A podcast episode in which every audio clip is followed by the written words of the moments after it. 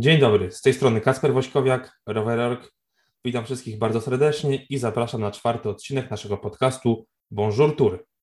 W dzisiejszym materiale podsumujemy sobie pierwszy tydzień wyścigu i mamy dla Was naprawdę fajny materiał, bo dwóch gości. Redakcyjny kolega Paweł Gadzała. Bonjour. I kolejny kolega z redakcji prosto ze Szwajcarii, Kuba Zimoch. Bonjour. Także panowie, bonjour, a my sobie szybko podsumujemy jeszcze wydarzenia z pierwszego tygodnia. Wyścig rozpoczął się od y, etapów, dwóch etapów dla panczerów. Pierwszy wygrał Julian Alflip po bardzo ładnym ataku, zgarnął koszulkę lidera, rozliczył ten wyścig już na samym początku. Drugi etap dla dziadka wygrał Matthew Van Der Poel, również przejął koszulkę lidera na bardzo długi czas, dopiero oddał ją w Alpach. Następnie oglądaliśmy bardzo chaotyczny etap trzeci, wygrany przez Tima Meriera.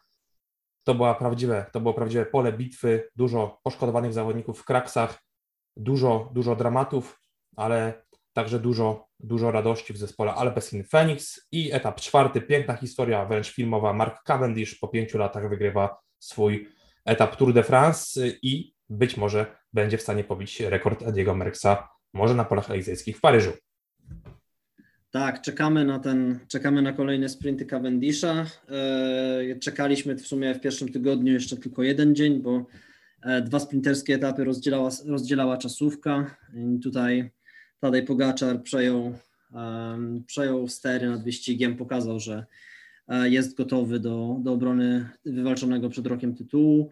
No, pokonanie Stefana Kunga na, na płaskiej niemalże czasówce to, to wielki wyczyn z jego strony. Należy na pewno wspomnieć, że e, bardzo dobrze pojechał też młody Duńczyk Wingegaard, um, natomiast e, lepiej powiedzmy niż, niż się spodziewaliśmy przejechali czasówkę Thomas i Roglic. E, no, nie pomogło im to wiele, bo w Alpach dużo stracili. Ale tak, Mark Cavendish e, na szóstym etapie nie miał sobie równych. E, znowu wygrał sprint, tym razem przeciwko kolarzom Alpesinu, e, którzy nie bardzo, nie bardzo wiemy w sumie, co próbowali ugrać na ostatnich metrach. No i w piątek przed samymi Alpami wielki triumf Mateja Mohoricza, który po 250 kilometrach no, takiego naprawdę ostrego, klasycznego ścigania sięgnął po etapowe zwycięstwo. Nieczęsto widzimy, żeby na etapie Tour de France w ucieczce odjeżdżał lider wyścigu w dosyć, dosyć silnie obsadzonej grupie. Tutaj Matthew Van Der Poel e, pokazał, że e, nie ma dla niego, e, koszulka nie jest dla niego żadnym ograniczeniem, więc oglądaliśmy też naprawdę dobre ściganie, również w końcówce, obarczone oczywiście pierwszymi stratami Primorza Roglicza, E, no i atakiem Karapaza, który e, nie, nie wywarł wielkiego wrażenia na, e, na Pogaczarze i na zespole UAE Team Emirates. I Pogaczar na dosyć komfortowej sytuacji wjechał, wjechał w Alpy. No właśnie, po tym ciężkim, bardzo agresywnie przejechanym etapie o długości 250 km kolarzy w ten weekend na kolarzy w ten weekend czekały dwa o wiele krótsze etapy, za to rozgrywane w bardzo złej pogodzie i obfitujące w podjazdy. W sobotę oglądaliśmy zwycięstwo kolejnego zawodnika Bahrainu, to jest Dylana Tonca. Zanim e, swoją klasę potwierdził e, Tadej Pogaczar, który e, nie zostawił swoim rywalom żadnego pola do popisu, odjechał im jak chciał. E, warto też zauważyć, że w tych e, ciężkich warunkach, po tym ciężkim etapie, kiedy w piątek wydawało się, że inne drużyny starały się stosować taktykę na wymęczenie e, drużyny Emirates, ta drużyna dała radę, była w stanie jako tako kontrolować wyścigi, na koniec wypuścić jeszcze Pogaczara, który co prawda nie dogonił zawodnika e, Bahrajnu, ale dojechał w czołówce etapu e, i zyskał też e, solidną przewagę nad pozostałymi zawodnikami. Atakować próbował również ponownie Karapaz, próbował ścigać Pogaczara, ale szybko spłynął i różnica między dwoma zawodnikami tylko się powiększyła. W, sobotę również wielu z tych papierowych faworytów, na których stawialibyśmy przed wyścigiem, przed Tour de France, e, zaliczyła potężne straty. dość powiedzieć, że przyjechali oni w grupetę, mam tu na myśli Geraint'a Tomasa czy Primorza Roglicza i ten ostatni nie przystąpił do etapu niedzielnego. Skutki tych upadków na pierwszych etapach Tour de France były jednak zbyt poważne. Primoz ma, ma w kalendarzu kolejne cele, chce wygrać e, inne wyścigi, w związku z czym męczenie się i jazda z kontuzjami przez Francję no, nie, miała, nie miała większego sensu, więcej dobrego, więcej pożytku przyniesie mu krótki odpoczynek i wznowienie treningów i start na Igrzyskach Olimpijskich i być może próba e, zdobycia e, kolejnego zwycięstwa na Vuelcie. E, no, etap niedzielny rozgrywany ponownie w Alpach, ponownie w bardzo złej pogodzie po tych bardzo szybko przejechanych etapach piątkowym i sobotnim nie tylko przewyższenie na etapy było trudnością, ale również ta akumulacja zmęczenia, w związku z czym obserwowaliśmy jeden wyścig po zwycięstwo etapowe, drugi już nieco mniej interesujący wyścig e, o obronienie czy zwiększenie przewagi w klasyfikacji generalnej e, Tadeja Pogaczara, ale z tyłu toczył e, się bardzo intensywny i bardzo zawzięty wyścig o zmieszczenie się w limicie czasu. Nie wszystkim się to udało, kilku kolarzy przede wszystkim sprinterów niestety nie dojechało. Sam Mark Cavendish, można powiedzieć, dojechał na ostatni dzwonek, minutę z groszami przed upływem limitu czasu. Natomiast z przodu wygrał znakomity młody Australijczyk Ben O'Connor, przynosząc zwycięstwo dla francuskiej drużyny AG2R Citroën. I za nim ponownie lekko przyspieszył Pogaczar, który miał kolejne sekundy przewagi e, nad Karapazem. I tak sobie teraz już e, płynnie przejdziemy do naszych rozważań. E, zaczniemy od prymarza Rogwicia, o którym już tutaj kilka słów wspomnieliście. Czy nie uważacie, że błędem Jumbo było to, że Primoz nie pojechał żadnego wyścigu przed Tour de France i że to właśnie brak tego rytmu wyścigowego spowodował, że w kilku sytuacjach nie odnalazł się w tym takim falującym peletonie na początkowych, tych bardzo, bardzo trudnych pod względem takiej nerwowości etapach. Co o tym sądzicie? Wydaje mi się, że niekoniecznie był to problem z tempem wyścigowym, ponieważ te etapy były, e, te pierwsze etapy były bardzo szybkie, bardzo intensywne i Primoz mm, czy Roglic nie tracił w ogóle czasu e, na tych przyspieszeniach, na, na tych pagórkach, na drugim etapie czy na, na pierwszym. E, wydaje mi się, że był to po prostu problem zwykły, incydent wyścigowy, dosyć losowy, padły na, padło na niego.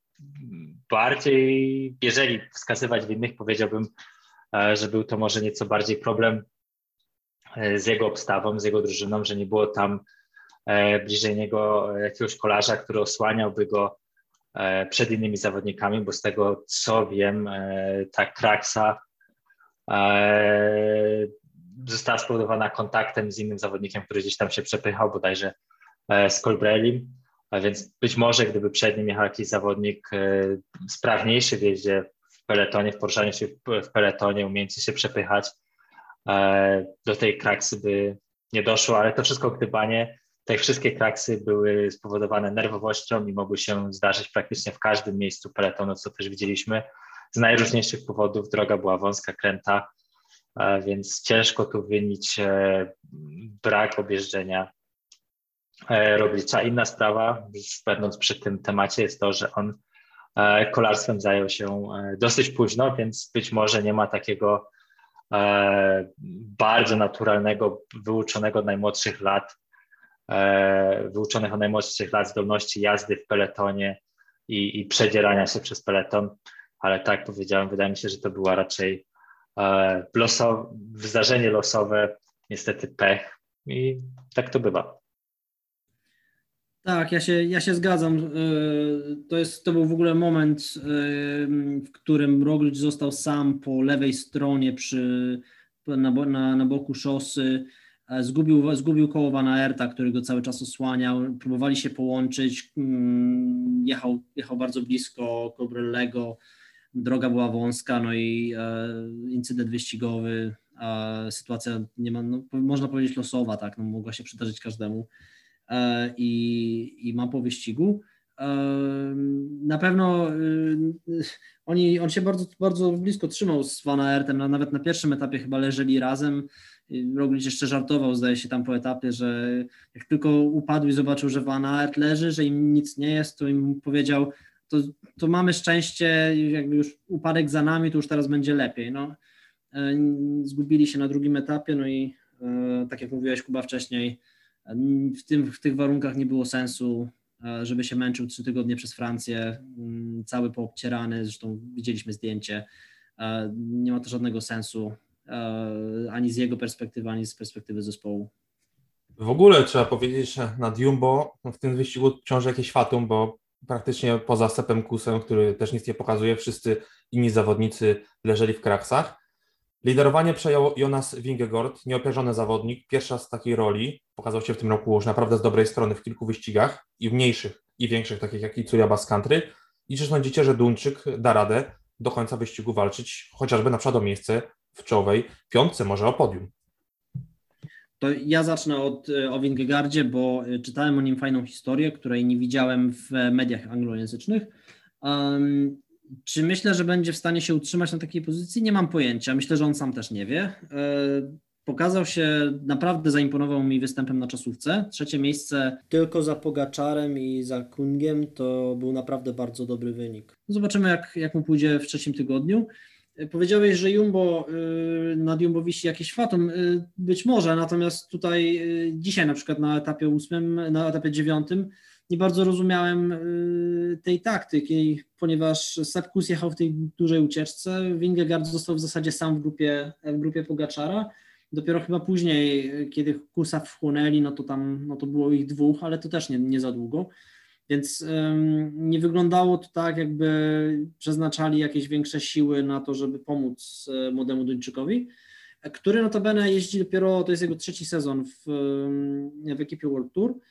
I on jakby ludziom, którzy obserwują, tak jak my obserwujemy czasami te wyścigi młodzieżowe i mm, patrzymy, kto tam może być następnym właśnie pogaczarem, no on nie wpadał nam przez, przez lata w oko, e, nie miał jakichś imponujących wyników, E, ścigał się przez kilka lat w tym, e, w kontynentalnej zespole, w kontynentalnej ekipie e, w Danii i stamtąd właśnie trafił do Jumbo-Visma, notabene po dosyć ciężkiej kontuzji złamał sobie, złamał miednicę, ale wrócił, miał, miał wyniki, a dyrektor sportowy jego ekipy znał się z dyrektorem sportowym E, Jumbo Visma. E, panowie się zgadali. E, Jonas trafił na, na testy. Mm, została mu złożona oferta. Też w tym czasie myśleli już o tym, że mm, no będzie start, będzie start Tour de France w Kopenhadze, będzie, czy w, w Danii, nie pamiętam gdzie, gdzie miał być start.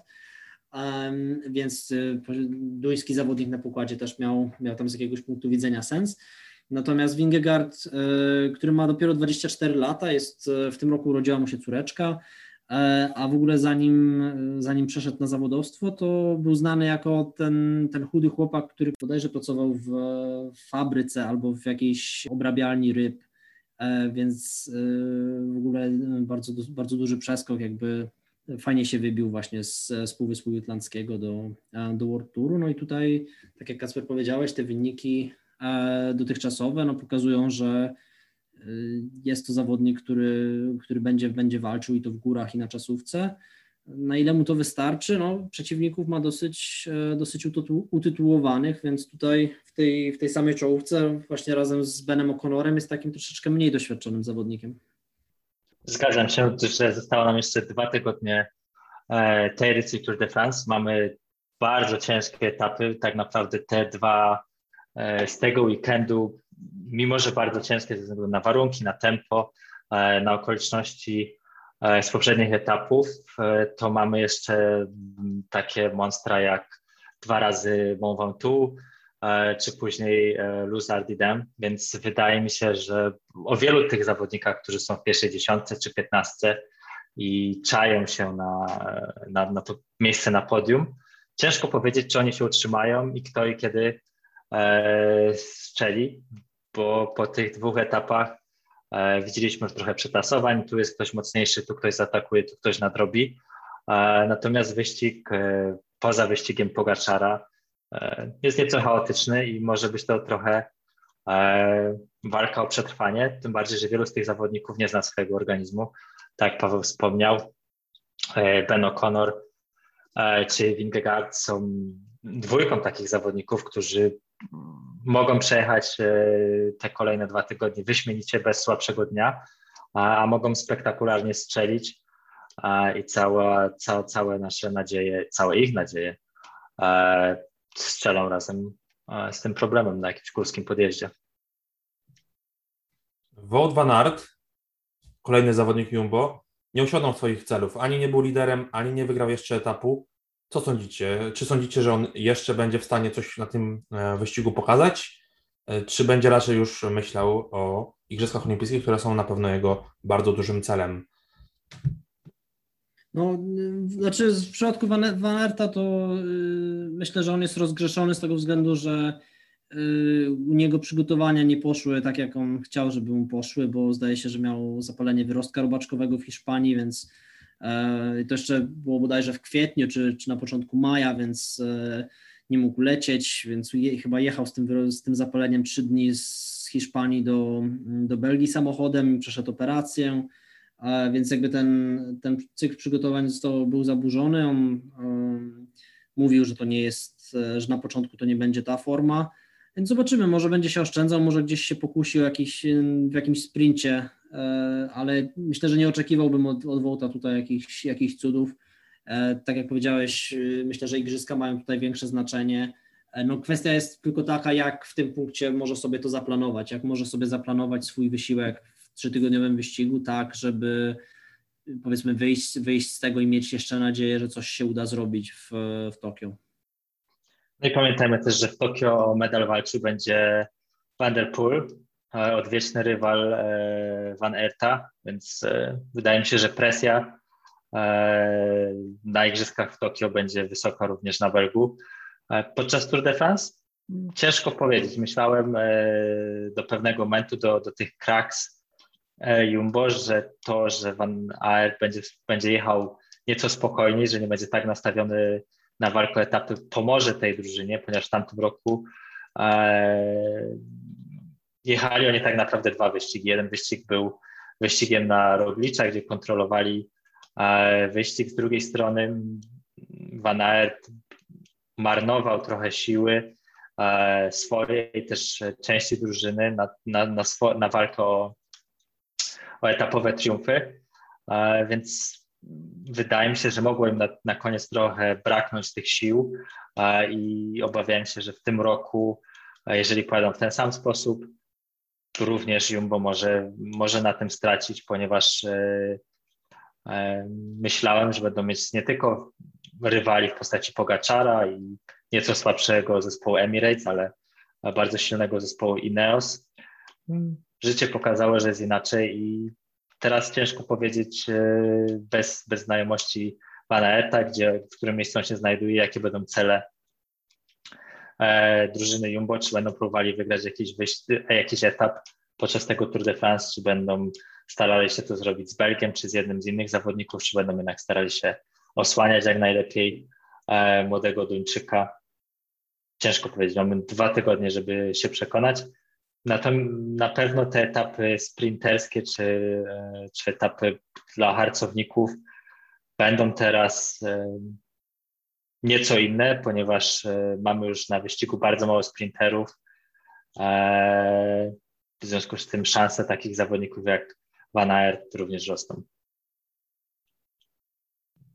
A teraz płynnie przejdziemy sobie do innego zespołu, do zespołu UA Team Emirates. Dominacja Pogaczara. Wasza opinia?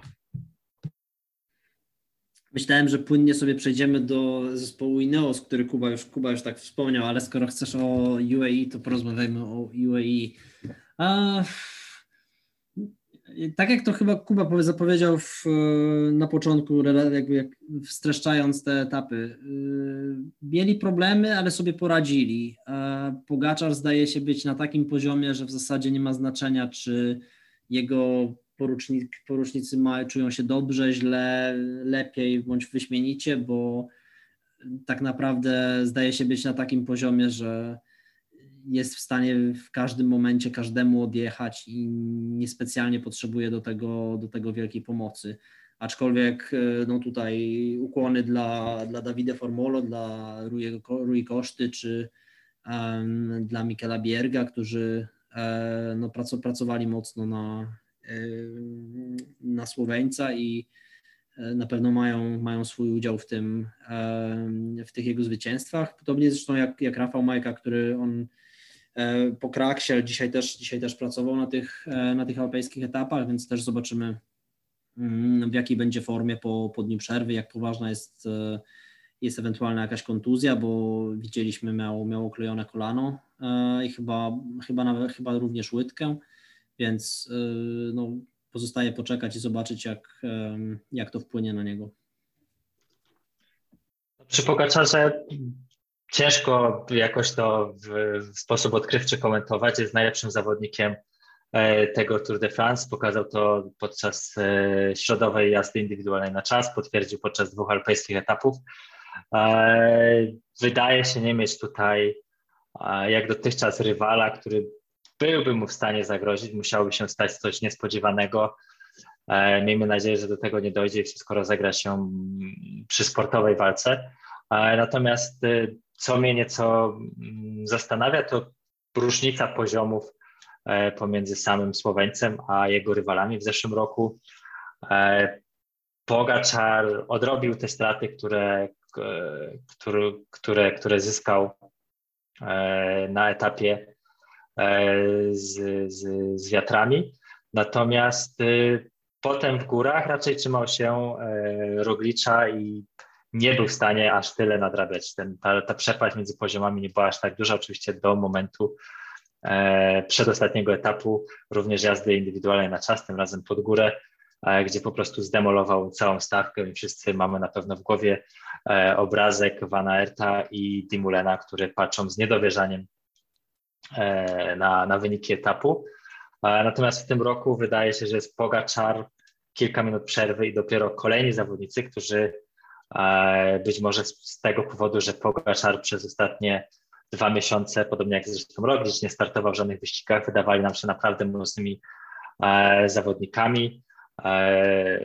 Wspomnę chociażby tutaj Karapaza, który próbuje, ale, ale coś nie może E, ani odjechać e, Pogaczarowi, ani innym e, zawodnikom. Bez punktu odniesienia w postaci dwóch Słoweńców na tych poprzedzających Tour de France wyścigach wydawało nam się, że mogą być oni zagrożeniem dla, dla młodego Słoweńca, szczególnie, że również wydawało nam się, że ich zespoły będą o wiele mocniejsze niż UAE Team Emirates. E, wyszło na to, że zespół z Emiratów wcale nie jest taki słaby, radzą sobie, a, a sam Pogaczar jest e, poziom ponad wszystkimi i tak naprawdę ten zespół mm, trochę pomaga. Na pewno bardziej przydają się e, do przywożenia kurtek bidonów z taką mocą niż do tego, żeby bawić się tu w jakieś rozgrywki techniczne, ponieważ Pogaczar wydaje się, że jest w stanie radzić sobie samemu e, i po prostu odjeżdżać kiedy chce i jak chce.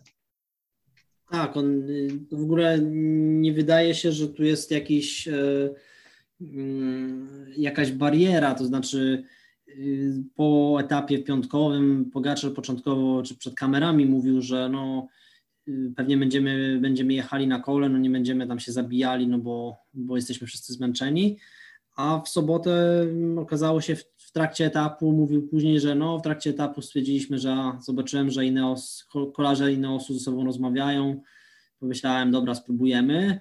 I, nagle się zaczęła, zaczęła się jazda. No, też tam UAE miało dobrze roz, rozmieszczony, rozmieszczonego masażystę z, z żelem i z bidonem, więc atakujący Pogaczar miał, e, miał stację taką przekaźnikową, natomiast ja nie mogłem się oprzeć wrażeniu, kiedy, kiedy on odjechał wtedy i kiedy właśnie udzielał tych wywiadów później. E, troszkę mi się przypomniał Tadej Pogaczar z roku, nie wiem, który to był rok, 2016, e, który jechał na, na polskich szosach z kolei na karpackim wyścigu kurierów. Wtedy akurat e, jechał w kontynentalnym zespole słoweńskim Było pięciu, pięciu chudych chłopaków ze Słowenii, znali 10 słów na krzyż, dwa z nich to było full gas i powtarzali to do znudzenia w każdej sytuacji. Jakby nie mając specjalnie, czy nie widząc jakichś ograniczeń przed, przed, samym, przed, przed swoim wyścigiem, przed swoim planem wyścigowym, e, po prostu full gas od, od startu do mety. I tutaj wygląda na to, że Pogaczar jak widzi okazję, to jedzie i niespecjalnie się tutaj przejmuje tym, czy ktoś, ktoś jedzie za nim, czy ktoś, e, czy ktoś gra w jakieś taktyczne gierki, tylko sobie po prostu E, po prostu odjeżdża. I tak jak powiedziałeś, Kuba, jeżeli, nie zmieni, jeżeli coś się nie stanie, albo co mówmy się, jest też możliwe, to jest, e, ciągle są jeszcze dwa tygodnie, jest oczywiście możliwe, że Pogaczar będzie miał kryzys albo że zostanie wpędzony w kłopoty gdzieś albo na wietrze, albo na, na którymś z etapów, to nie jest wykluczone. E, no ale w obecnej sytuacji trudno sobie wyobrazić, żeby ktoś był w stanie mu, mu zagrozić, czy to na czasówce, czy na etapach y, kończących się na podjeździe, czy etapach kończących się na zjeździe, więc y, no na razie mamy, mamy, mamy, tak jak powiedziałeś, Pogaczara, długo, długo nic, no i sporą grupę ludzi, którzy e, też muszą wymyślić, jak pojechać wyścig, żeby e, skończyć jak na, na możliwie jak najwyższym miejscu. No właśnie, mówiliście o Ineosie. Co z tym Ineosem? Na razie no, prezentują się bardzo średnio. Geran Thomas mocno poobijany. Port i Theo Gegenhardt już od początku wyścigu dużo stracili, a Carapaz nie może na razie odjechać nawet swoim rywalom w walce o miejsca 2-3 e, na podium. Co z tym Ineosem? No chyba duże zaskoczenie. Nikt się, nikt się nie spodziewał, e, że zespół z takim doświadczeniem, zespół, e, który w ostatnich ośmiu latach wygrał zdecydowaną większość Tour de France zawsze E, jadąc e, bardzo dobrze zorganizowanym, bardzo silnym e, pociągiem w ostatnich dwóch latach, tak się pogubi, że zawodnicy, którzy dotychczas, dotychczas grali w, w tej ekipie, w tych pociągach pierwsze skrzypce bądź wygrywali jak Thomas Tour de France, będą mieć takie kłopoty, żeby umówmy się raczej średni pociąg Emiratów kontrolować czy wręcz szachować. Myśleliśmy przed wyścigiem, że e, drużyna Ineos będzie taktycznie starała się e, szachować innych swoimi trzema bądź czterema e, liderami. Oczywiście na papierze, bo wydaje się, że od początku głównym ich liderem w drużynie był Carapaz. Ten nic się z tego nie ziściło. Na pierwszych etapach zaczęli odstawać od razu Thomas i Richie Port. E, Tomasz potem e, jeszcze uczestniczył w kraksie, która też go wiele kosztowała. Jeszcze na szosie nastawiono mu e, staw parkowy, więc mm, też, jak sam mówił, te wszystkie kraksy, te wszystkie problemy jednak odbijają się na, na jego dyspozycji. No i mamy to, co mamy. Carapaz na Tour de Suisse był bardzo mocny. Wydawało się, że jego forma będzie rosła, natomiast tak jak wcześniej wspomniałem, nie było tego odniesienia do Słoweńców bądź Słoweńca, więc mogło nam się tak wydawać. Tour de France zweryfikował to wszystko. No i mamy mm, zespół Ineos ponownie e, w tarapatach, ale pamiętajmy też, że w tamtym roku, e, pomijając już e, Tour de France, to na Giro znaleźli się również w ciężkiej sytuacji, a koniec końców ten dosyć specyficzny ze względu na termin, i cały sezon, jednak byli w stanie wygrać, więc być może e, i tutaj e, nawet jeżeli nie wygrają, to będą starali się zastosować jakieś manewry taktyczne, e, żeby tego Karapaza e, przynajmniej zabezpieczyć e, na podium, o ile nie wpędzić e, w jakieś tarapaty Pogaczara. Y, ja się zgodzę z Tobą, aczkolwiek myślę, że Ineos zaczynał tour jako za liderów, uważając i Tomasa, i Karapaza. Tutaj y, kwestia jest, myślę, też taka, na ile y, nam, to jest, myślę, na ile jest to kwestia percepcji. Dominacja Pogaczara na trasie Tour de France versus poziom ludzi, kolarzy jadących za nim. to, że Pogaczar tak dominuje, to nie znaczy, że, czy nie musi znaczyć, że Carapaz, Kelderman, um, Uran są na poziomie niższym, czegoś zasadniczo niższym niż byli na wyścigach przygotowujących. Tutaj myślę, że jest też, dochodzi to, zresztą o czym wspominaliśmy wcześniej, w momencie, w którym odjeżdża jeden zawodnik, w którym odjeżdża na, z, tak, z taką pewnością, jakby nie pozostawiając wątpliwości, że z nim nie będzie, nie będzie pasażerów, no to też zaczyna się oglądanie na siebie, zaczyna się patrzenie, kto, kto komu, kto z kim, um, jakby tutaj, jakby to ugrać, więc um, ta, to też może nie do końca może pokazywać pełen potencjał tych zawodników. Ja tutaj Karapaza bym jeszcze nie skreślał, a myślę, że tak jak powiedziałeś, Ineos będzie musiał coś zrobić, aby zabezpieczyć jego miejsce w czołówce, E, nawet dlatego, że no, jak popatrzymy sobie na pierwszą dziesiątkę, no to Carapaz w najgorszym wypadku ma wokół siebie Urana, Wingegarda, Keldermana, e, którzy jeżdżą na czas lepiej od niego na takich próbach, e, czy mają, potem mogą pojechać znacznie lepiej od niego, więc na pewno zawodnicy Ineosu przychylnie spojrzą, jeżeli któraś z ekip spróbuje na, przy, przy wietrze rozerwać peleton i jeden czy dwójka z tych zawodników e, zostaną w drugiej grupie. Myślę, że tutaj Michał Kratkowski nie przepuści okazji, żeby, żeby Karapaza mm, i Tomasa tam nawigować w tej pierwszej grupce. Natomiast Karapaz jest też, myślę, nie wiem, czy się zgodzicie z, z taką oceną, ale Karapaz jest troszeczkę w dziwnej sytuacji, ponieważ z tej całej grupki, moim zdaniem, jest jedynym kolarzem, który będzie realistycznie myślał o tym, żeby napsuć krwi Pogaczarowi. Jakby ekipa Ineos może jest poobijana, może nie prezentują tego, co myśleliśmy, że będą prezentowali, ale to jest jednak ciągle zespół, który będzie próbował nałożyć jakąś presję na ekipę lidera. Czy to będzie na etapach płaskich, czy to będzie na takim bardziej pagórkowatym, który mamy e, przed wjazdem do Andory E, no, to jest jednak zespół, który będzie musiał coś zrobić. Z, pozostałe zespoły, mm, AG2R, Citroën, EF Education Nippo, e, Jumbo, Movistar, czy nawet Bora, no mm, jakby nie widzę tego, nie widzę tego zrywu, aby dzień po dniu próbować coś, coś ugrać, czy próbować zmęczyć pomocników Pogaczara. Myślę, że tutaj jednak ekipa Ineos jest, na, jest sama na tej pozycji, no co Karapaza stawia jednak w dosyć e, trudnym położeniu, bo z jednej strony w jakiś sposób chciałby zaatakować czy spróbować ugryźć Pogaczara, no ale z drugiej strony musi, musi pamiętać, że Pogaczar na pewno mu się nie, nie da łatwo, a jeżeli przeszarżuje, no to ma całe grono zawodników bardzo blisko w klasyfikacji, którzy mogą go, którzy bardzo chętnie go przeskoczą. Więc tutaj y, to jest troszeczkę takie, takie chodzenie po linie.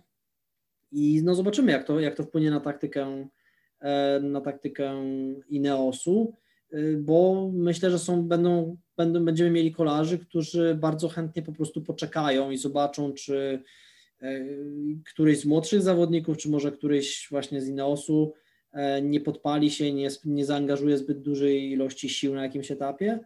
E, taki Rigoberto Uran myślę bardzo chętnie skorzystałby na takim, na takim rozwoju wydarzeń. Co myślicie o tym?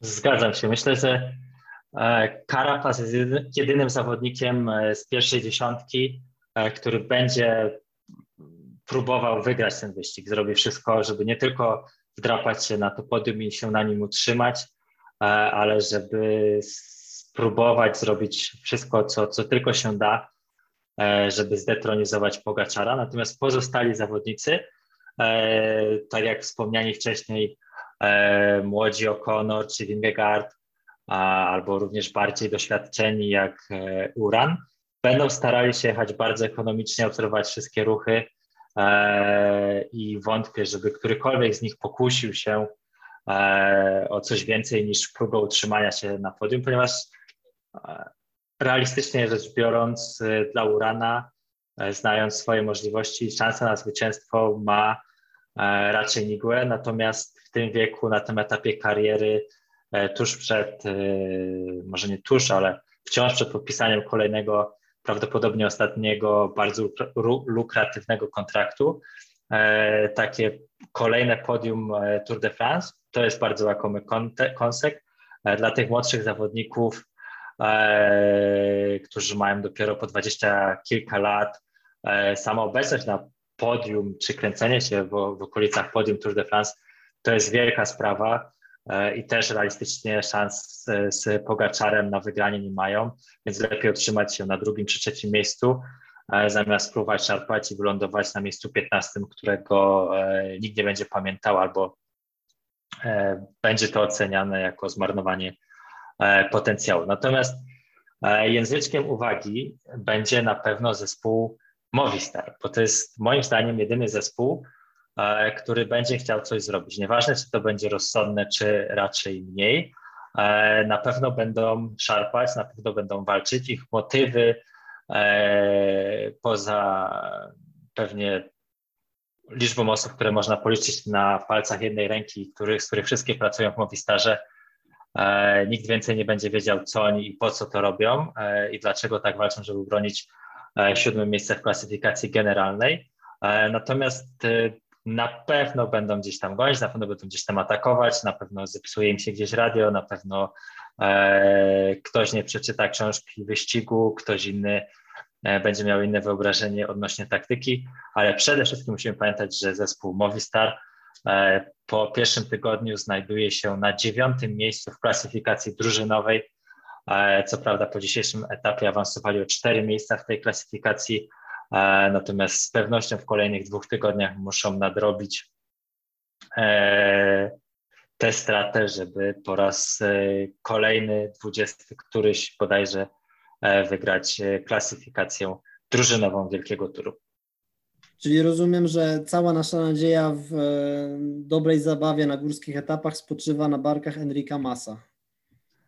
E, nie powiedział, wręcz przeciwnie, powiedziałbym, że, e, że Movistar będzie starał się zabijać takie akcje, jeśli nie w zarodku, to już na późniejszych etapach i z pewnością będą wyręczać e, drużynę Pogaczara w, w pogoni lub dołączać się do tej pogoni, co już w ostatnich latach często widzieliśmy, chociażby w ostatnim, podczas ostatniej Vuelty, kiedy Movistar chcąc bronić czwarte czy piąte miejsce, E, pomógł e,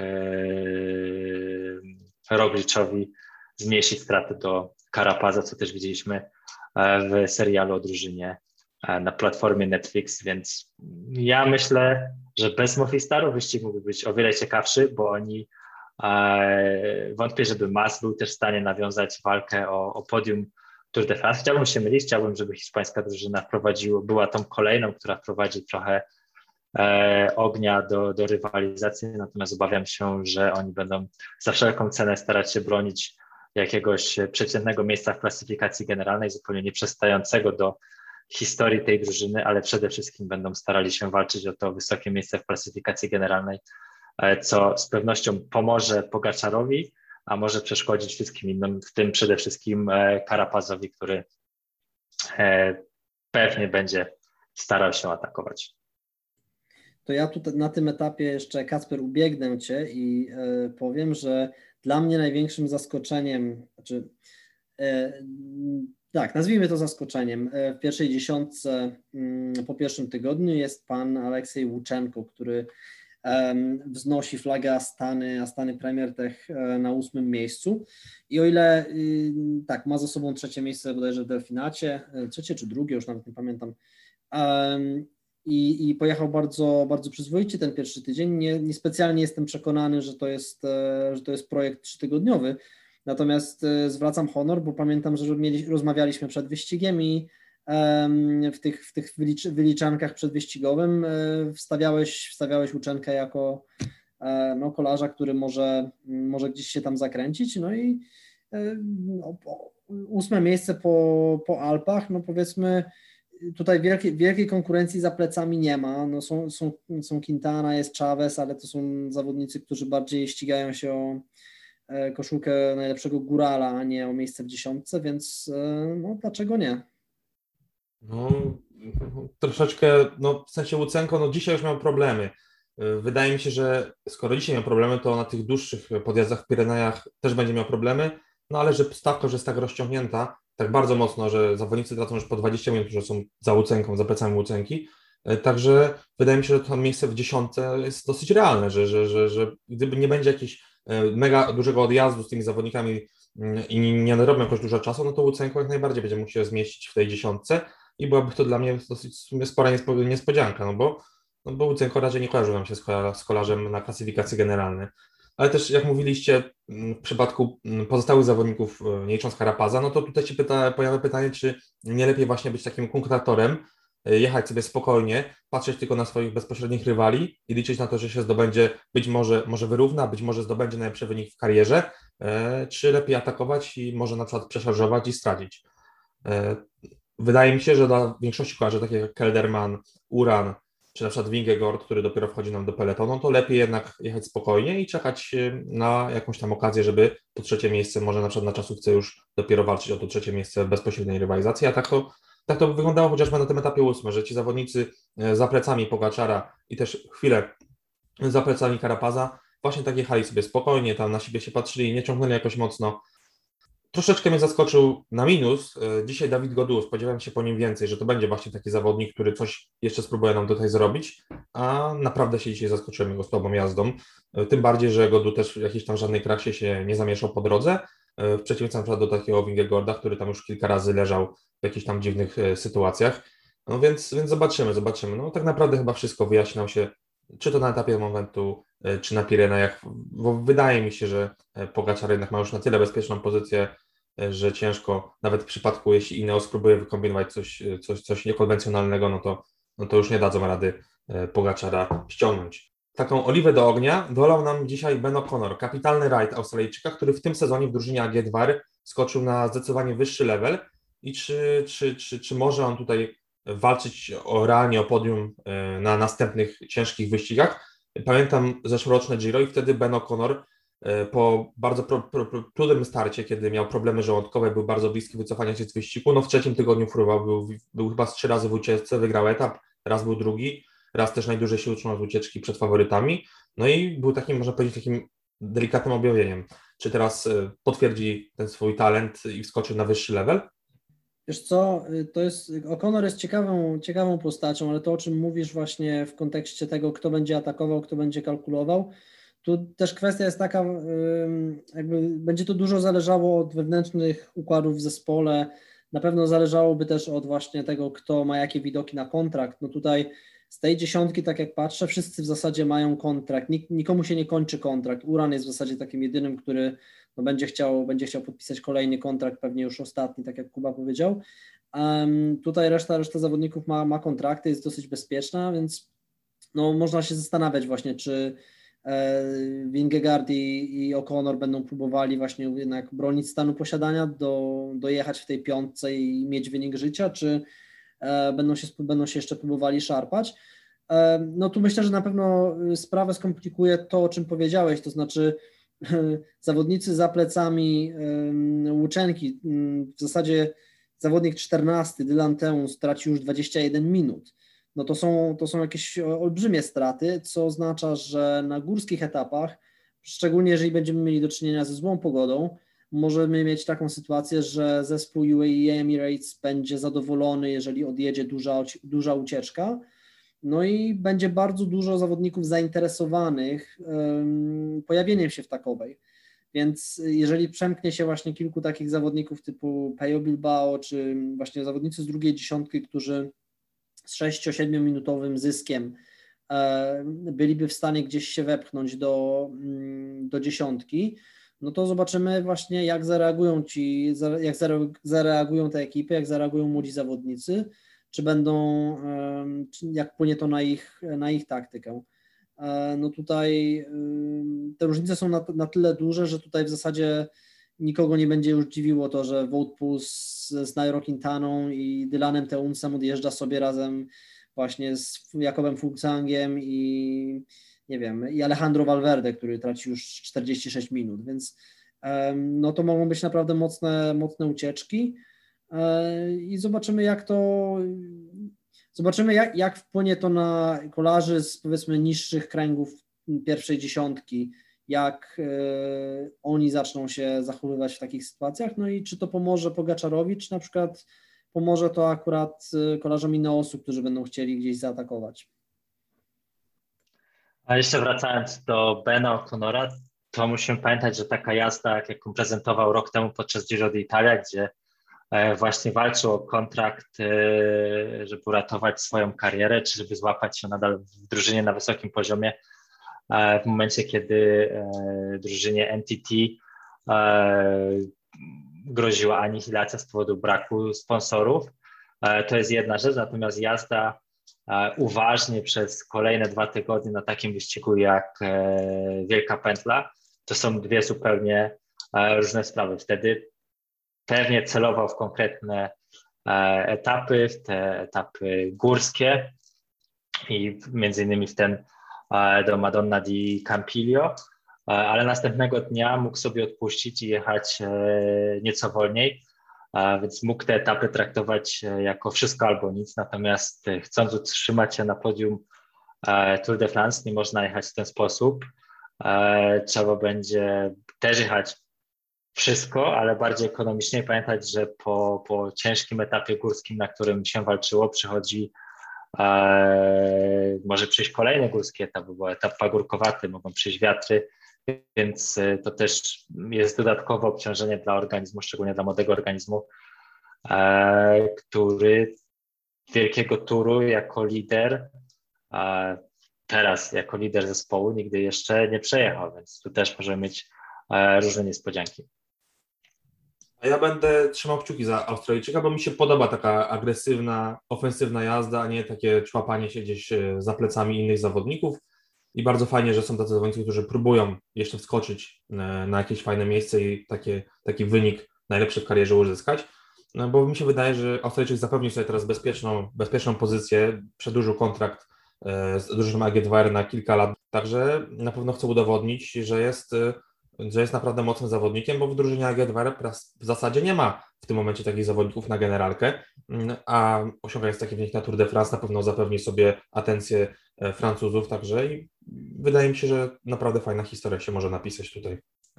Zgadzam się i łączę się z Tobą w trzymaniu kciuków za to, żeby ta wizja podium Tour de France go nie zepsuła, i żeby ta wola walki kolejnych ataków utrzymała się przez na, następne dwa tygodnie, ponieważ e, może być to tylko z zyskiem e, dla nas, e, kibiców i dla całego widowiska.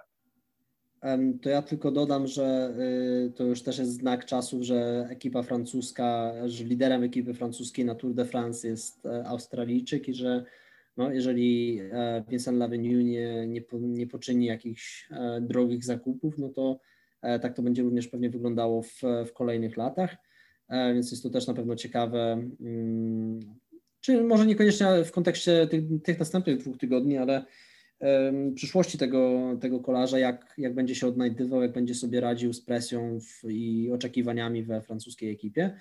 E, na razie właśnie, tak jak widzieliśmy, świetnie jechał w wyścigach wiosennych, no ale to miał olbrzymią motywację, aby przedłużyć kontrakt, który początkowo podpisał tylko na rok.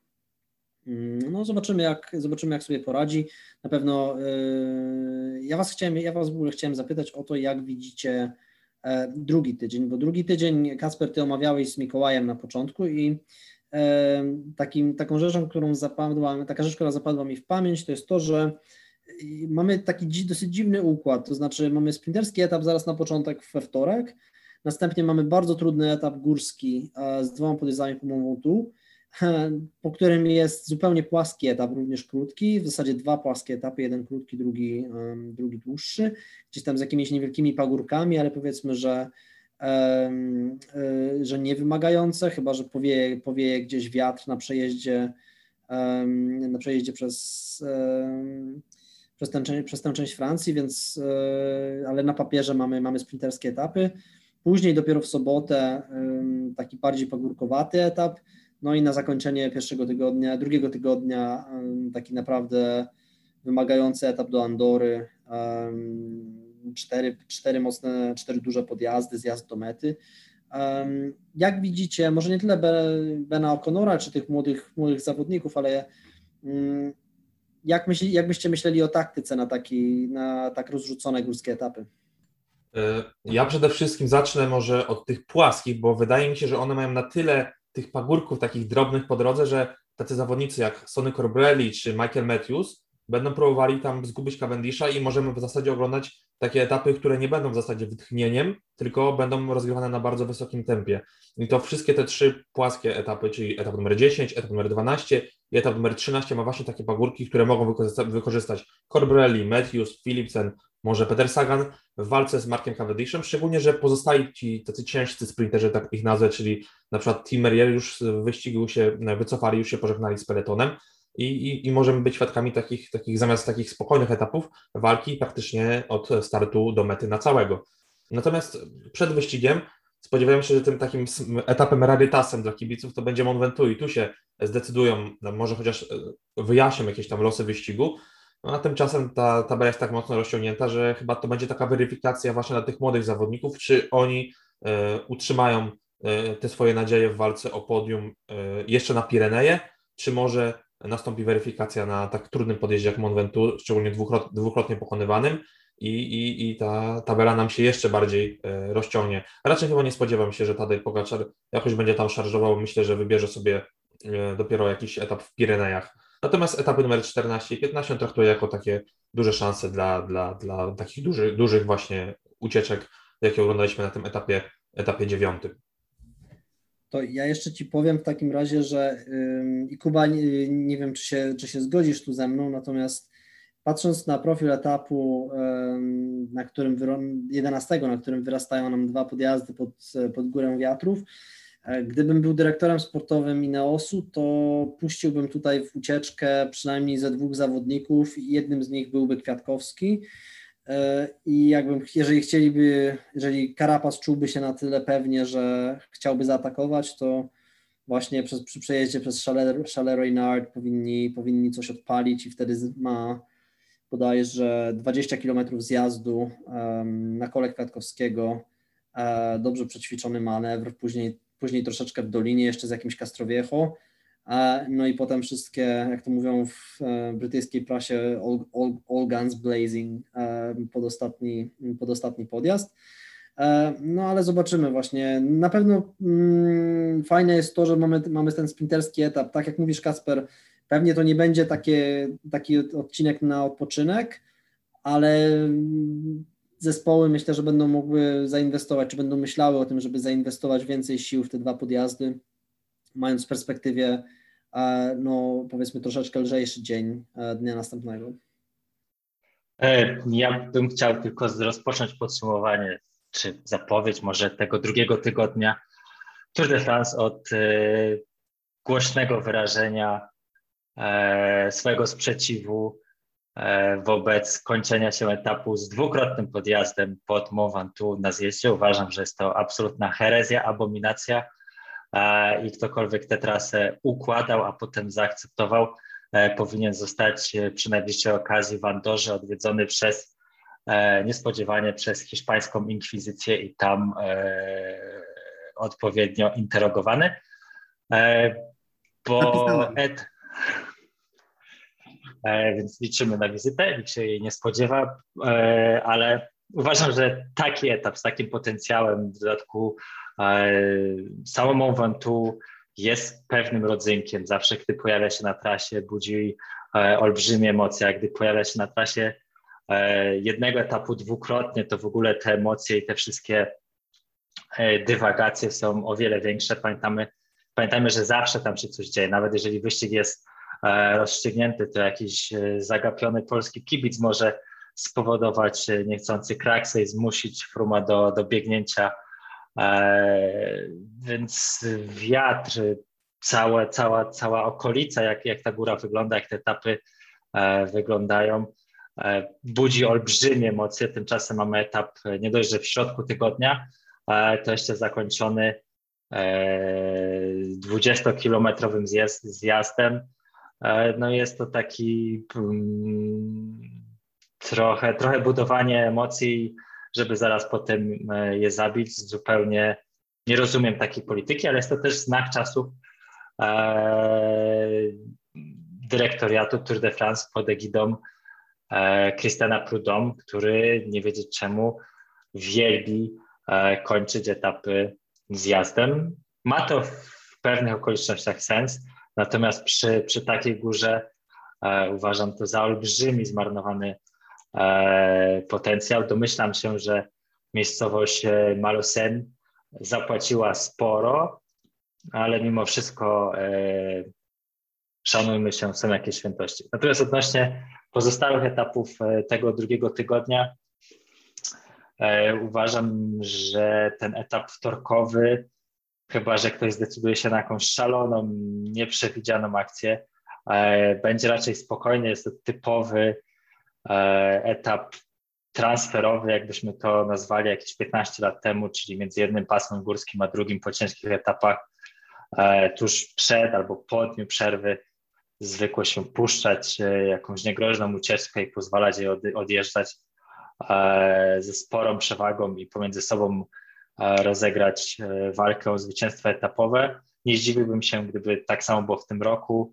Cavendish ma bezpieczną przewagę, zbyt wielu E, konkurentów do walki o zieloną koszulkę e, mu nie zostało. Sam na dzisiejszym etapie, e, jak już wspomniałem wcześniej, walczył o to, żeby zmieścić się w limicie czasu. Potem następuje ciężki etap z dwukrotnym podjazdem po Mont Ventoux, więc z tych okazji, żeby ewentualnie wyrównać lub pobić rekord Ediego Merksa będzie miał jeszcze sporo, natomiast wątpię, żeby sprinterzy, ta okrojona ich bardzo grupa szczególnie zaginała się e, na tym wtorkowym etapie. Myślę, że jest tu kilka drużyn, które z chęcią puszczą kogoś w odjazd, e, a inne drużyny będą się cieszyć e, spacerowym tempem. Te kolejne etapy, tak jak Kacper powiedział, po Mont Ventoux nadają się na jakieś akcje zaczepne, niestandardowe scenariusze e, o wiele bardziej, szczególnie te etapy w piątek i w sobotę, ponieważ są e, dłuższe, no i mają tych pagórków e, nieco więcej, więc e, łatwiej będzie e, zmęczyć rywali i być może zyskać trochę czasu. Warto też pamiętać, że te etapy będą rozgrywane blisko Morza Śródziemnego, więc przy odrobinie szczęścia i, po, i, e, i sprzyjającym nam bogom wiatrów e, być może powieje w poprzek drogi i dzięki temu rywalizacja będzie jeszcze ciekawsza. Natomiast etap niedzielny ponownie kończy się uwielbianym przez nas wszystkich e, zjazdem, więc tutaj również obstawiałbym zwycięstwo albo jakiegoś mieszkańca e, Andory, być może ktoś z drużyny Trek będzie chciał pomachać i wygrać dla Quena de Corta, który stracił e, w wypadku w Andorze kilka palców. I to by było chyba na tyle. No ja, muszę, ja teraz wejdę w słowo, bo ja się z Kubą zupełnie nie zgadzam. Według mnie etap z momentu jest fajny z tym zjazdem. Już wiele razy oglądaliśmy bardzo nudne, nużące etapy, gdzie zawodnicy czekają na tą ostatnią górę, robili jakieś tam podchody, a tak naprawdę się nic nie działo. Ja bym dał szansę temu etapowi. Wiem, że to jest no, monumentalny podjazd, ważny dla Tour de France, no ale ja, mi się ten osobiście pomysł podoba. Trzeba jakieś innowacje wprowadzać, bo czasami zawodnicy nie chcą korzystać z takich etapów, a ten etap idealnie nadaje się do jakichś akcji zaczepnych. Jeśli ktoś będzie chciał wejść na przykład na podium taką ucieczką, to ten etap też się do tego nadaje. I ja bym temu etapowi e, dał szansę akurat, bo no, jak już widzieliśmy wiele lat, e, przez wiele lat, że zawodnicy często boją się tego etapu z jakimś trudnym podjazdem, wcześniej nie chcą nic robić, i, I, mi się akurat ten pomysł e, jak najbardziej podoba. Dałbym mu szansę. Jeśli się nie sprawdzi, to już więcej do niego nie wracajmy, ale tą nadzieję na coś fajnego nadal mam.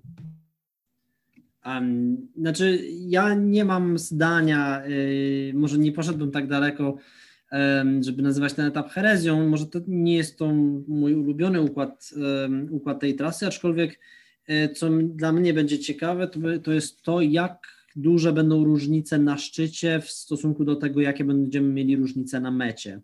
To znaczy, y, no tutaj też pogoda na pewno będzie odegra swoje, ale y, zrobi swoje, natomiast Zobaczymy, czy różnice, które wypracują sobie górale na, y, na szczycie Ventoux będą, mm, zostaną utrzymane na, po tym zjeździe. E, no tutaj w tym, w tym sezonie też mieliśmy kilka takich przypadków, że zawodnicy, e, którzy wypracowali sobie jakąś tam przewagę na, na szczycie, na zjeździe, raczej ją utrzymywali. E, tutaj może podczas Giro na przykład Bernal zjechał no, w znacznie gorszych warunkach zjechał, ale troszeczkę go tam Barde i, i Caruso pod, podgonili, ale um, te przewagi jakoś nie, nie zostały wypaczone, czy nie zostały zmniejszone znacząco. No więc zobaczymy, czy, um, co będzie tutaj, ilu będzie chętnych do takiej pogoni. Natomiast Kuba, słyszę, że tutaj te, te Twoje uwagi to już tak zaczynam sobie zapisywać, że powinniśmy wysłać list do hiszpańskiej inkwizycji, do EOLA powinniśmy wysłać również polecony list żeby wiatr jakiś tam tu zawiał. E, natomiast y, jak już tak analizujemy, to chciałem powiedzieć i y, chętnie odszczekam to przy następnym podsumowaniu, ale myślę, że etap 14 mm, w sobotę, tuż przed, przed wjazdem do Andory, to będzie, to jest etap z potencjałem właśnie na jakąś niestandardową akcję. To jest taki odcinek, może nie jest najdłuższy, ma 184 km, ale Mamy cztery górskie premie w zasadzie na y, tak naprawdę 70 kilometrach. To są krótkie podjazdy, dosyć strome, a pomiędzy nimi płaskiego w zasadzie nie znajdziemy. To jest raczej teren albo, albo są to zjazdy, albo jest to taki no, false flat, nazwijmy to. I tutaj, o ile jest to, powiedzielibyśmy, że jest to klasyczny etap dla właśnie jakiegoś Tomasa Dehenta, jakiejś ucieczki dobrej. Myślę, że tutaj przy w sprzyjających okolicznościach będą chcieli rywale podmęczyć zespół e, Tadeja Pogaczara. No tym bardziej, że na ostatniej górskiej premii jest, są, do, do, są bonusowe sekundy do zdobycia, e, co też jest, e, jest też okazją nie do przepuszczenia. No i też pewnie kalkulacja będzie taka, że Tadej Pogaczar przy tak, przy tak wybitnej formie, no w Andorze nie będzie miał problemów, a wręcz przeciwnie, będzie, będzie wszystkim odjeżdżał, co zrobił już na, zresztą na Vuelcie swego czasu. Więc myślę, że jeżeli będą gdzieś chcieli, chcieli sprawdzić, czy, czy można Słoweńca ugryźć, no to obstawiałbym ten sobotni etap i te właśnie małe ścianki, false flat, no i przy dobrych wiatrach jakiś boczny wiatr. No to może teraz y, wyróżnimy sobie jakichś bohaterów tego pierwszego tygodnia, może jakichś takich nieoczywistych. Ja chciałbym wyróżnić e, dla mnie zupełnie anonimowego kolarza, który już dwukrotnie przejechał naprawdę wysoko na etapach Tour de France i jest nawet dosyć wysoko w klasyfikacji generalnej. To Francuz Frank Bonamour, bretończyk, który na mnie robi jak najbardziej e, duże wrażenie. Piąty na takim trudnym etapie, szósty wcześniej na, z bardzo mocnej ucieczki do Le Cruzo. E, no, dla mnie to jest bardzo duże zaskoczenie, bo ja tego kolarza kompletnie z niczym wcześniej nie kojarzyłem. Wyjąłeś mi to z ust, bo też chciałem wyróżnić, nawet jeszcze chwilę, kilka minut temu chciałem wyróżnić właśnie Franka po namurach z e, drugoligowego zespołu. E, I to jest naprawdę, na pewno będziemy, jest to ten typ, ten typ kolarza, którego będziemy którego poczynania będziemy śledzili, mimo to, że jest on właśnie na miejscu 17, 18 czy e, no jednym z dalszych. Gdybym ja miał wyróżnić jedną osobę, czy jednego zawodnika z tego z tego tygodnia. Jeżeli mam być szczery, nie mam w głowie kolarza, który mm, zapisałby mi się w pamięci w jakiś lepszy sposób, czy jakoś, jakoś wyraźniej.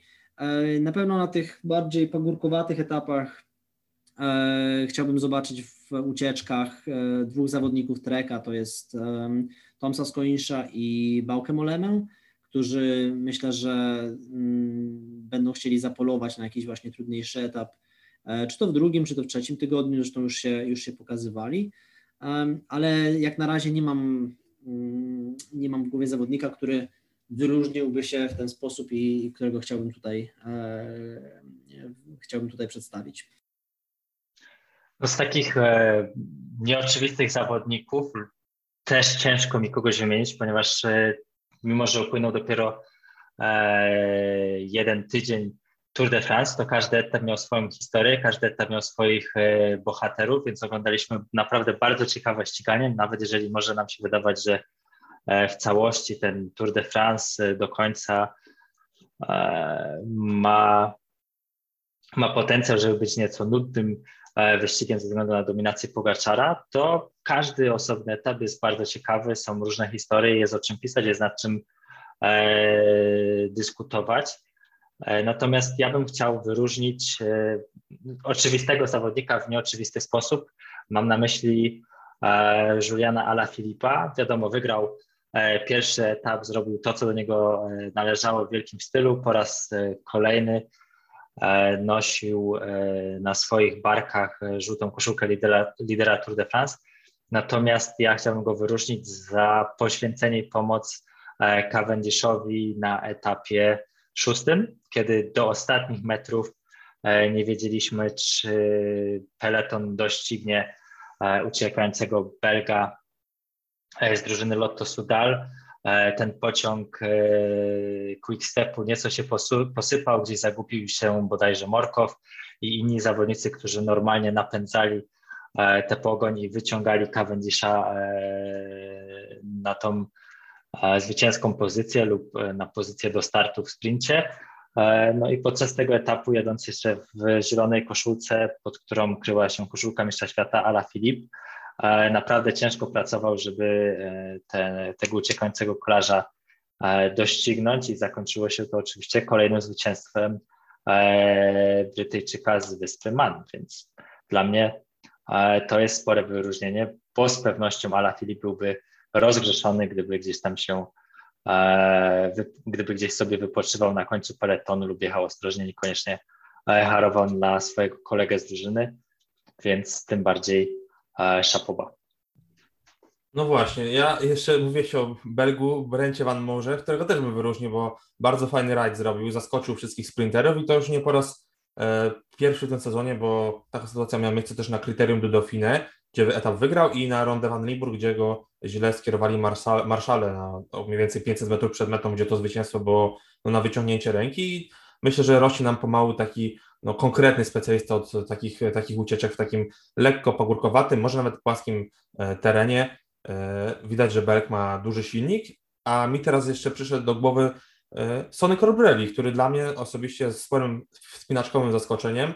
Wiem, że on w deszczu zawsze te umiejętności jego zdecydowanie wzrastają, ale bardzo fajnie walczy o zieloną koszulkę, mimo że tego, że nie idzie na tych płaskich finiszach, stara się, walczy, nie poddaje się no i zobaczymy, co jeszcze Kobra w, na tym wyścigu pokaże, bo przy, przy tych pogórkowatych e, etapach, no może, może coś e, uda mu się osiągnąć, szczególnie patrząc na to, że Bahrain no jest świetny, e, mają już dwa etapy wygrane. Szkoda, że nie ma Jacka Heiga, bo według mnie to był zawodnik, który mógłby się tutaj gdzieś tam pokręcić w tej ścisłej czołówce.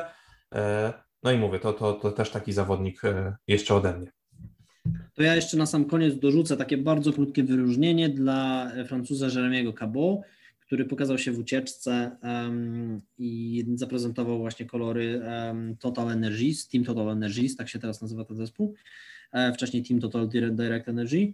Um, I tu akurat ciekawa historia, której nie, zna, której nie znałem, a którą przypomniał mi dobrze znany tym, którzy oglądają europejski, angielski Eurosport, Rob Hatch, Cabo jest, ma lat 29 e, i w tej ucieczce, czy w ogóle jedzie swój pierwszy Tour de France, więc to też była jego pierwsza ucieczka. A o ile on się ścigał w tych francuskich, wyści- w francuskich ekipach i e, no, nie, jest, nie zaczął kolarstwa wczoraj, natomiast e, on jest na taki wyższy poziom wskoczył dosyć późno z tego względu, że jest po studiach jest inżynierem, więc troszeczkę taki może nietypowy nietypowa ścieżka do tego, żeby pojawić się w ucieczce na etapie Tour de France. No i teraz chyba już na sam koniec, jak, jak Wam się podoba ten pierwszy dzień wyścigu, bo według mnie e, każdy etap napisał bardzo, bardzo e, fajną historię. Na, każdym, na prawie każdym etapie e, coś się działo. Dla mnie to był chyba, jak ja oglądam kolarstwo na pewno krócej od Was, no to dla mnie chyba to był jeden z najlepszych pierwszych tygodni Tour de France, jak nie nawet najlepszy. Zgadza się, mieliśmy bardzo intensywne ściganie. Każdy etap miał jakąś swoją historię, niestety nie zawsze e, pozytywną. Mieliśmy też trochę kraks, mieliśmy trochę dywagacji, natomiast e, na każdym etapie e, nie brakowało kolarzy czy całych drużyn, którzy naprawdę chcieli się ścigać, chcieli zrobić wyścig. I to było ciekawe. Pamiętajmy, że pomimo tej dominacji Pogaczara, tak już mówiliśmy to wielokrotnie, dzisiaj mamy do końca wyścigu do Paryża jeszcze dwa tygodnie, bardzo ciężkie etapy, e, etapy, które mm, też jakby wymagają nieco niestandardowych rozwiązań, a więc ja temu pierwszemu tygodniowi na pewno dałbym e, bardzo mocne 9 na 10. 10 na 10 byłoby, gdybyśmy e, albo nie mieli dominacji Pogaczara aż do tego stopnia, albo gdyby Pogaczar miał równego sobie rywala, wtedy na pewno ten pierwszy tydzień wyglądałby o wiele ciekawiej, a już na pewno bardziej oszczelibyśmy sobie zęby na kolejne dwa tygodnie. Natomiast pomijając kwestię klasyfikacji generalnej, patrząc na każdy etap z osobna, jakby, jakby był to e, osobny wyścig, e, na pewno był to bardzo intensywny i bardzo ciekawy pierwszy wyścig e, Tour de France. Zgadzam się z Tobą, że od dawna aż takiego mm, ścigania w pierwszym tygodniu i tak różnorodnego nie widziałem. Tak, bardzo, bardzo różnorodne, bardzo ciekawe. Nie było nudy. Każdego dnia się coś dzieje. 9 mm, na, 9 na 10 ok, 10 na 10 może było, e, gdybyśmy nie mieli takich, e, tego, no, takiego wysypu kraks, powiedzmy, już pomijając czym, czym spowodowanego, ale to, mm, to nagromadzenie takich wypadków, no i jednak spora liczba dosyć poważnych obrażeń czy uszczerbków na zdrowiu to jest e, to są dramaty, ale to nie są, to nie są rzeczy, które, które chcemy oglądać na, na wyścigach. One się będą przydarzały, ale to nie jest e, to nie jest e, nie, nie, nie, ogląda się tego sympatycznie, nie chcemy tego oglądać. Natomiast w ramach podsumowania pierwszego tygodnia ja chciałem jeszcze zwrócić uwagę na taki e, może nie, nie, nie jest to trend, ale jest to, taka, y, jest to taka reakcja czy kibiców, czy y, byłych zawodników również niestety na czele z Edim Merksem. I tutaj chciałbym wziąć e, troszeczkę w obronę Kaleba Iwana oraz innych zawodników, którzy przedwcześnie wycofują się z wyścigów trzytygodniowych. Jakby dla, dla przypomnienia Eddie Merckx, nie wiem dlaczego, ale skrytykował e, Kaleba Iwana po wycofaniu się z Giro d'Italia E, pamiętajmy, że Kaleb wygrał wtedy jakby już wygrał chyba jeden czy nawet dwa etapy, nie wiem, może, musicie mi, musielibyście mi przypomnieć. Dwa. Dwa etapy wygrał i e, wycofał się z bólem kolana, e, co później, jak tłumaczył, było spowodowane zmianą, zmianą bloków, które w, w butach i ten no, ekipa podjęła decyzję o, o wycofaniu, tym bardziej, że Australijczyk miał inne cele. Eddie Merckx określił to jako brak profesjonalizmu, brak szacunku dla wyścigu i mm, dosyć podobne głosy widzę, czy słyszę w jakichś komentarzach w stosunku do, szczególnie w internecie, czy, czy to jest Twitter, czy to są, to są media społecznościowe, w odniesieniu do e, Matthew Van Der Poola, e, czy nawet, nawet Tima Merliera, Merliera, który się wycofał, e, zawodników, którzy się wycofują, opuszczają wyścig wcześniej. Myślę, że krytykowanie ich za to, że nie jadą do końca y, jest kompletnym, żeby użyć y, wyrażenia z naszego z forum kolarskiego, y, nieczuciem kolarstwa i nie, niezrozumieniem dla tego, jak, jak dzisiaj funkcjonują zespoły, jak funkcjonują cele, jak są dobierane cele zawodników i jakie, jak zmieniły się obciążenia wyścigowe i inne towarzyszące im w stosunku do czasów Merksa, czy w stosunku do czasów Szurkowskiego, czy, mm, czy innych kolarzy. E, z lat dawnych.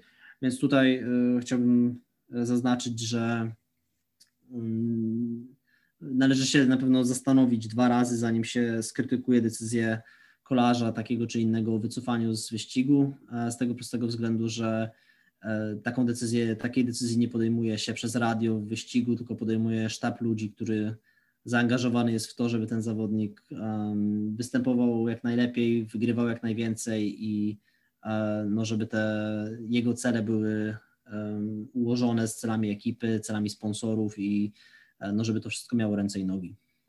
Szczególnie, że to przyczepianie się, te, pamiętam też, że wtedy e, syn Merksa, Axel Merksa zabrał głos, to przyczepienie się jest do, do Oni piszą razem felieton, więc A. myślę, że to jest w ogóle taki troszeczkę, troszeczkę na wyrost to wszystko. A to ja bym chciał powiedzieć, że szczególnie to dziwi, że on narzekają na zawodników, którzy dali nam show tak naprawdę. Matthew Van Der Poel zrobił swoje w pierwszym tygodniu, miał tam błyszczeć, błyszczał, pokazał się wszystkim kibicom. Tim Merrier wygrał w swoim debiucie w takim dużym wyścigu jak Tour de France, etap, pierwszy etap sprinterski, podobnie jak na Giro, gdzie też wygrał pierwszy sprinterski etap i być może pojedzie na Vuelta zrobić to, co zrobiło tylko trzech kolarzy w historii, czy wygrać w każdym sezonie przynajmniej jeden etap każdego wielkiego, e, e, każdego e, z trzech wielkich turów. E, więc, więc nie wiem, rozumiem, to był jakiś zawodnik, który przez 10 dni nic nie pokazał i się wycofał, bo już mu się nie chce jechać. To rozumiem takie przyczepianie, ale to są zawodnicy, którzy na tych wyścigach nam dali już show w tym, w tym swoim e, przedziale czasowym, a teraz po prostu z jakichś tam różnych powodów e, dalej się nie ścigają, czy to przez inne cele, czy to, czy to przez to, że po prostu, jak na przykład Tim Meyer, no zawodnik, który nigdy nie miał okazji ścigać się w takich górach i po prostu teraz to wychodzi. Tak, dokładnie i e, no tutaj, zresztą co w przypadku Matthew Van Der Poola jest, jest oczywiste, no Holender ma zaraz start w Igrzyskach Olimpijskich i zapom nie zapominajmy, że to nie jest start na szosie, tylko musi, musi zmienić rower szosowy na, na rower górski i będzie chciał powalczyć o, o medal w tej, w tej konkurencji, więc tutaj jakby jest, jest, jest na pewno rozgrzeszony i jakby nieracjonalnym podejściem myślę byłoby zakładanie przed Tour de France, że kolarze właśnie typu Van der Poela czy, czy Merliera dojadą do Paryża, że będą walczyli, zaginali się przez Pireneje, żeby właśnie um, dojechać na jakiejś 40 pozycji e, w klasyfikacji generalnej. Każdy ma swoje cele, jakby jest to, jest to troszeczkę taki utarty już porządek. Um, tych celi i wyścigów jest znacznie więcej i w tych ostatnich latach i tutaj e, myślę, że absolutnie nie można mieć, nie można mieć do nich pretensji, tak do, do Kaleba Iwana na Giro, czy na, do Matthew van der Poela e, na Turze. Na, w Alpach niestety kilku kolarzy pożegnało się z Tour de France przez limit czasu, siódemka zawodników e, poszkodowanych, tak jak na przykład Arnaud Demar czy Stefan Debot, czy też pierwszy czarnoskóry kolarz z Afryki Nick Dami, który też bardzo fajną historię napisał. No ale niestety dzisiaj do mety dotarł ze stratą godziny i 20 minut e, przy limicie 37 minut i 20 sekund, a taki Arno Demar ten limit czasu przekroczył o 4 sekundy, więc naprawdę bardzo minimalnie, no ale przepisy to niestety przepisy. Tak, no tutaj nie mieliśmy do czynienia z jakąś większą grupą sprinterów, która, która się nie zmieściła. Tak jak Kuba chyba wspominał, Mark Cavendish zmieścił się ledwo, ledwo. Tam cały zespół Decunic Quickstep zaangażowany był właśnie w to, żeby, e, żeby Brytyjczyka przeciągnąć. Tutaj kilku kolarzy zostało właśnie po upadkach. E, no i na, na, takim etapie w deszczu, po upadku, jak, zostaje, jak się zostanie samemu za ostatnimi, za ostatnimi ludźmi w grupetto, no to dojechać jest już bardzo trudno, e, więc tutaj nie, nie było niespodzianek. E, w przypadku dla Miniego to jest dla ekipy Quebeca to jest, e, to jest o tyle bolesne, że e, no on był tutaj troszeczkę taką ich wizytówką. To jest, tak jak wspomniałeś, pierwszy czarnoskóry zawodnik z Republiki Południowej Afryki, który, który startuje w Tour de France, więc to jest dla, i dla tego zespołu, i dla tego kraju dosyć duże, czy dosyć duży krok. E, nawet widzieliśmy chyba przed samym startem, był jego historia i historia tego startu e, została zauważona przez media, e, no nie, nie kojarzone powiedzmy tradycyjnie z kolarstwem. Widziałem krótki segment o jego, jego występie czy jego starcie w Tour de France w stacji amerykańskiej CNN, więc tutaj ten, ten PR-owy, ta PR-owa część tego występu została na pewno wykorzystana. No tak, tak jak mówisz, przepisy to przepisy, więc nie zobaczymy go w drugim tygodniu. No i zobaczymy właśnie, jak będzie to wyglądało na kolejnych górskich etapach, bo mm, de facto etapy górskie ze zjazdem, ze zjazdem do mety, e, powiedzmy takim, e, takim tacy sprinterzy powinni sobie poradzić, bo grupetto, jak wiemy, na zjazdach jeździ bardzo szybko i tutaj chłopaki, e, będzie dużo, będzie dużo ciężkich chłopaków, którzy będą, potrafią nałożyć spore tempo. Natomiast e, no, problemy mogą mieć e, właśnie przy jakimś takim długim 20-kilometrowym podjeździe e, na metę. No chyba w przypadku jeszcze te, tego, no, tego zostawania zawodników w grupę, to, to najtrudniejsze to chyba są właśnie te etapy, które były w Alpach, czyli takie, gdzie od początku, w zasadzie od startu mamy bardzo trudne już podjazdy i wtedy już te, te grupy to się tak nie tworzy jako całość i tak było właśnie na tym etapie, gdzie na przykład Tim Merrill został już na jednym z pierwszych podjazdów i nawet za grupą Cavendisha nie potrafił się tam utrzymać w ich tempie, no Cavendish z bardzo dobrym wsparciem przetrwał ten etap, no i myślę, że, że, że następne etapy też przetrwa, no bo one właśnie się, niektóre z nich zaczynają długim, płaskim fragmentem, gdzie ci sprinterzy nie będą mieli okazji, żeby już szybko zostać i pożegnać się z dużą grupą. Także chyba to wszystko. Dziękuję bardzo e, za Wasz tutaj udział.